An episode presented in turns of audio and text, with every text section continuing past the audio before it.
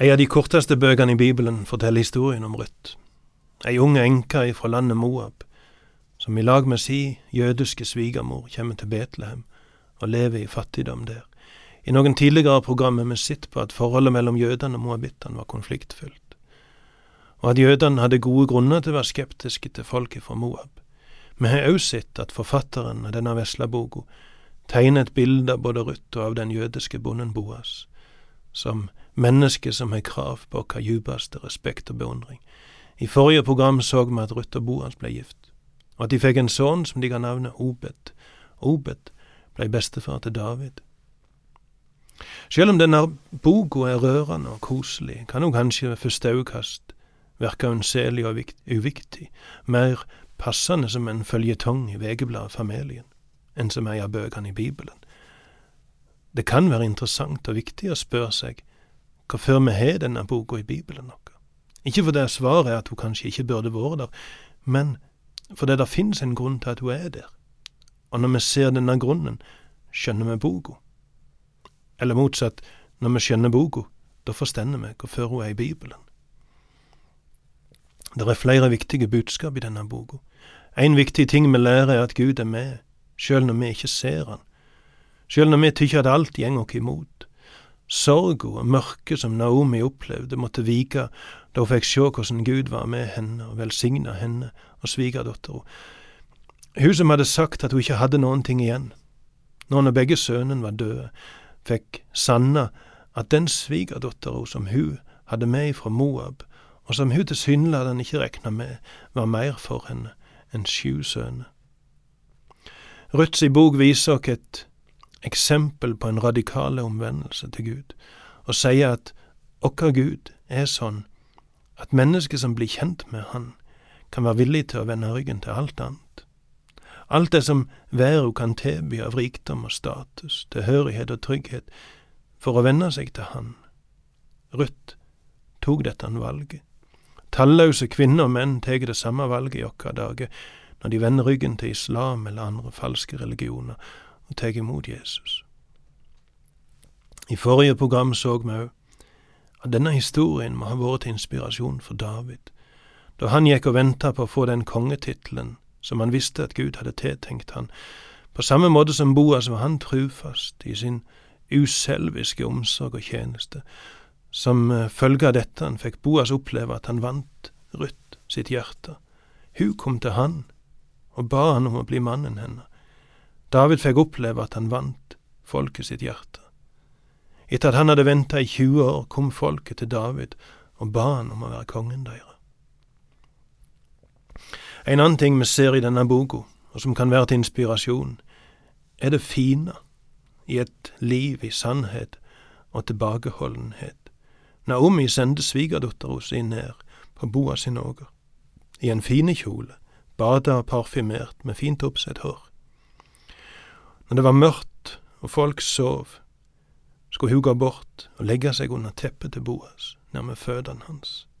Det høres utrolig ut at Naomi våger å gi et sånt råd til svigerdattera si. Hva kunne ikke skjedd der i mørket? Ei unge kvinne, Ruth var antagelig rundt 25 år, og en mann som må ha tøsta etter kjærlighet. To mennesker som var glad i hverandre, under det samme teppet, i mørket. Men Naomi må ha hatt en så sterk tiltro til Boas at hun kunne være fullstendig trygg på at ikke det ville skje noen ting som de hadde grunn til å angre på eller skamme seg over. Og når sola renner neste morgen, kan Boas møte den andre slektningen. Han som hadde mer rett enn han sjøl til å gifte seg med Ruth. Han kan sjå han inn i øynene og spørre han om han vil gifte seg med Ruth. Boas kan møte Ruth sitt blikk. Han kan møte Naomi sitt blikk.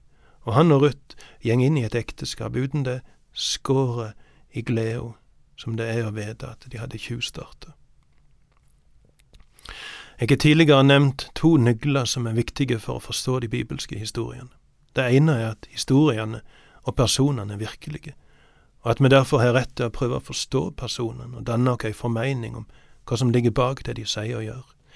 En annen nøkkel er dette at det et menneske gjør, er en arv, på godt og vondt, som vi leverer videre til kommende generasjoner. Boas må ha vært preget av det som hadde hendt med hans forfedre, stamfaren Juda sitt svik imot enka etter sønnen hans, må ha vært et eksempel til skrekk og advarsel for heile slekta. Og Rahab ifra Jeriko, Boas si mor eller bestemor, må ha minnet han om å ikke ha fordommer imot kvinner ifra hedenske folkeslag.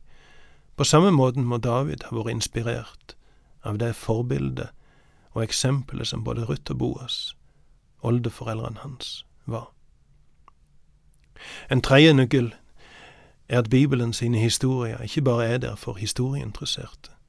Bibelen sin historie er profetisk historie.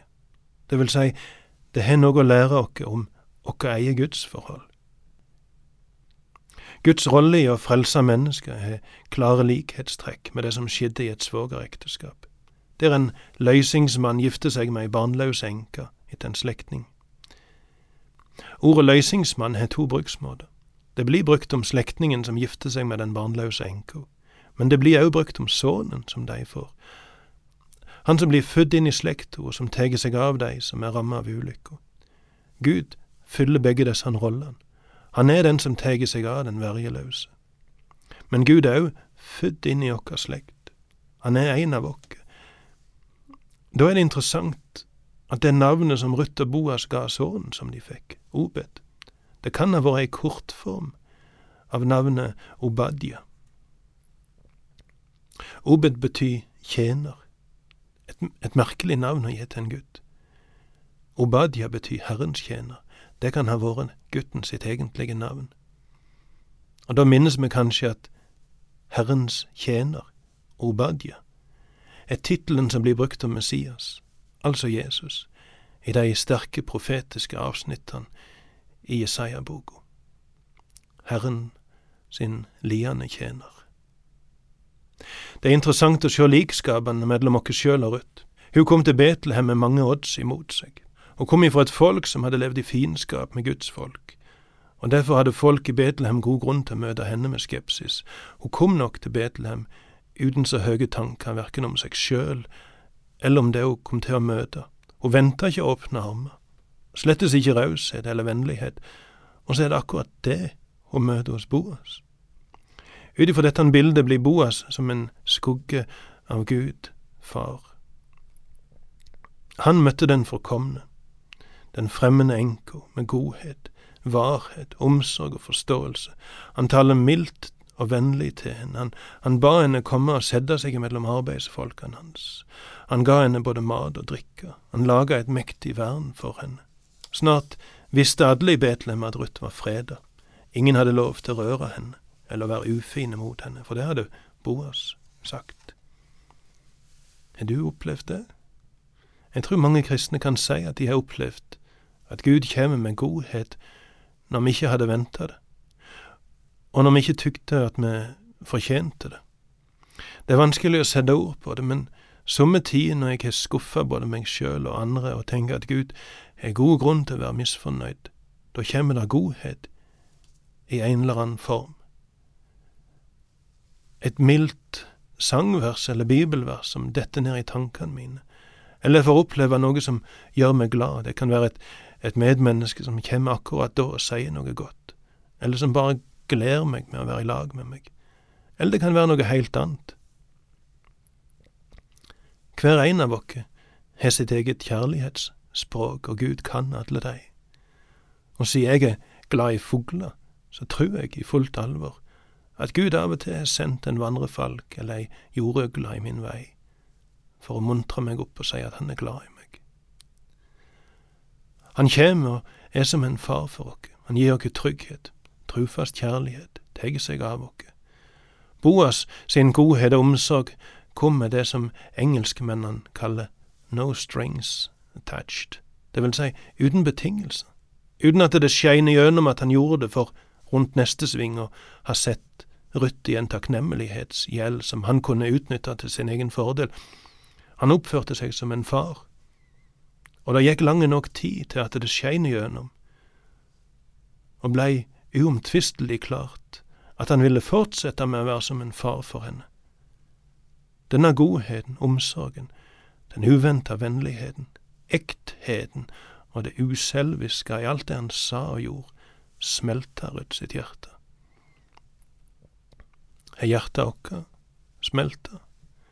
Det Ruth gjorde, er et bilde på noe som vi alle kan gjøre, når Gud har vunnet hjertet vårt, når vi gjennom mange møter har skjønt hvor god han er, hvor trufast og vennlig mot alle, hvor oppofrende og mild, hvor var og, og forståelsesfull. Da kan vi gå til han på tomannshånd, når ingen andre verken ser eller hører oss, og si sånn som Ruth sa til Boas.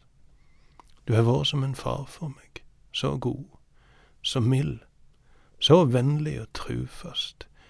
Du har overvelda meg med en godhet jeg ikke hadde venta, og som jeg ikke har fortjent.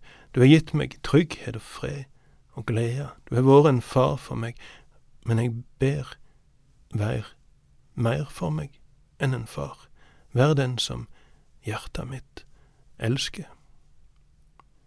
Så gjenger Ruth ut på ågeren den kvelden, mens ingen andre ser, og knytter de sterkeste band til Han som har vunnet hjertet hennes. Og vi kan gjøre det samme, med Han som har vunnet hjertet vårt. Han som har vært som en trufast far, uselvisk, så trygg, og så ubeskrivelig god imot dere på alle måter.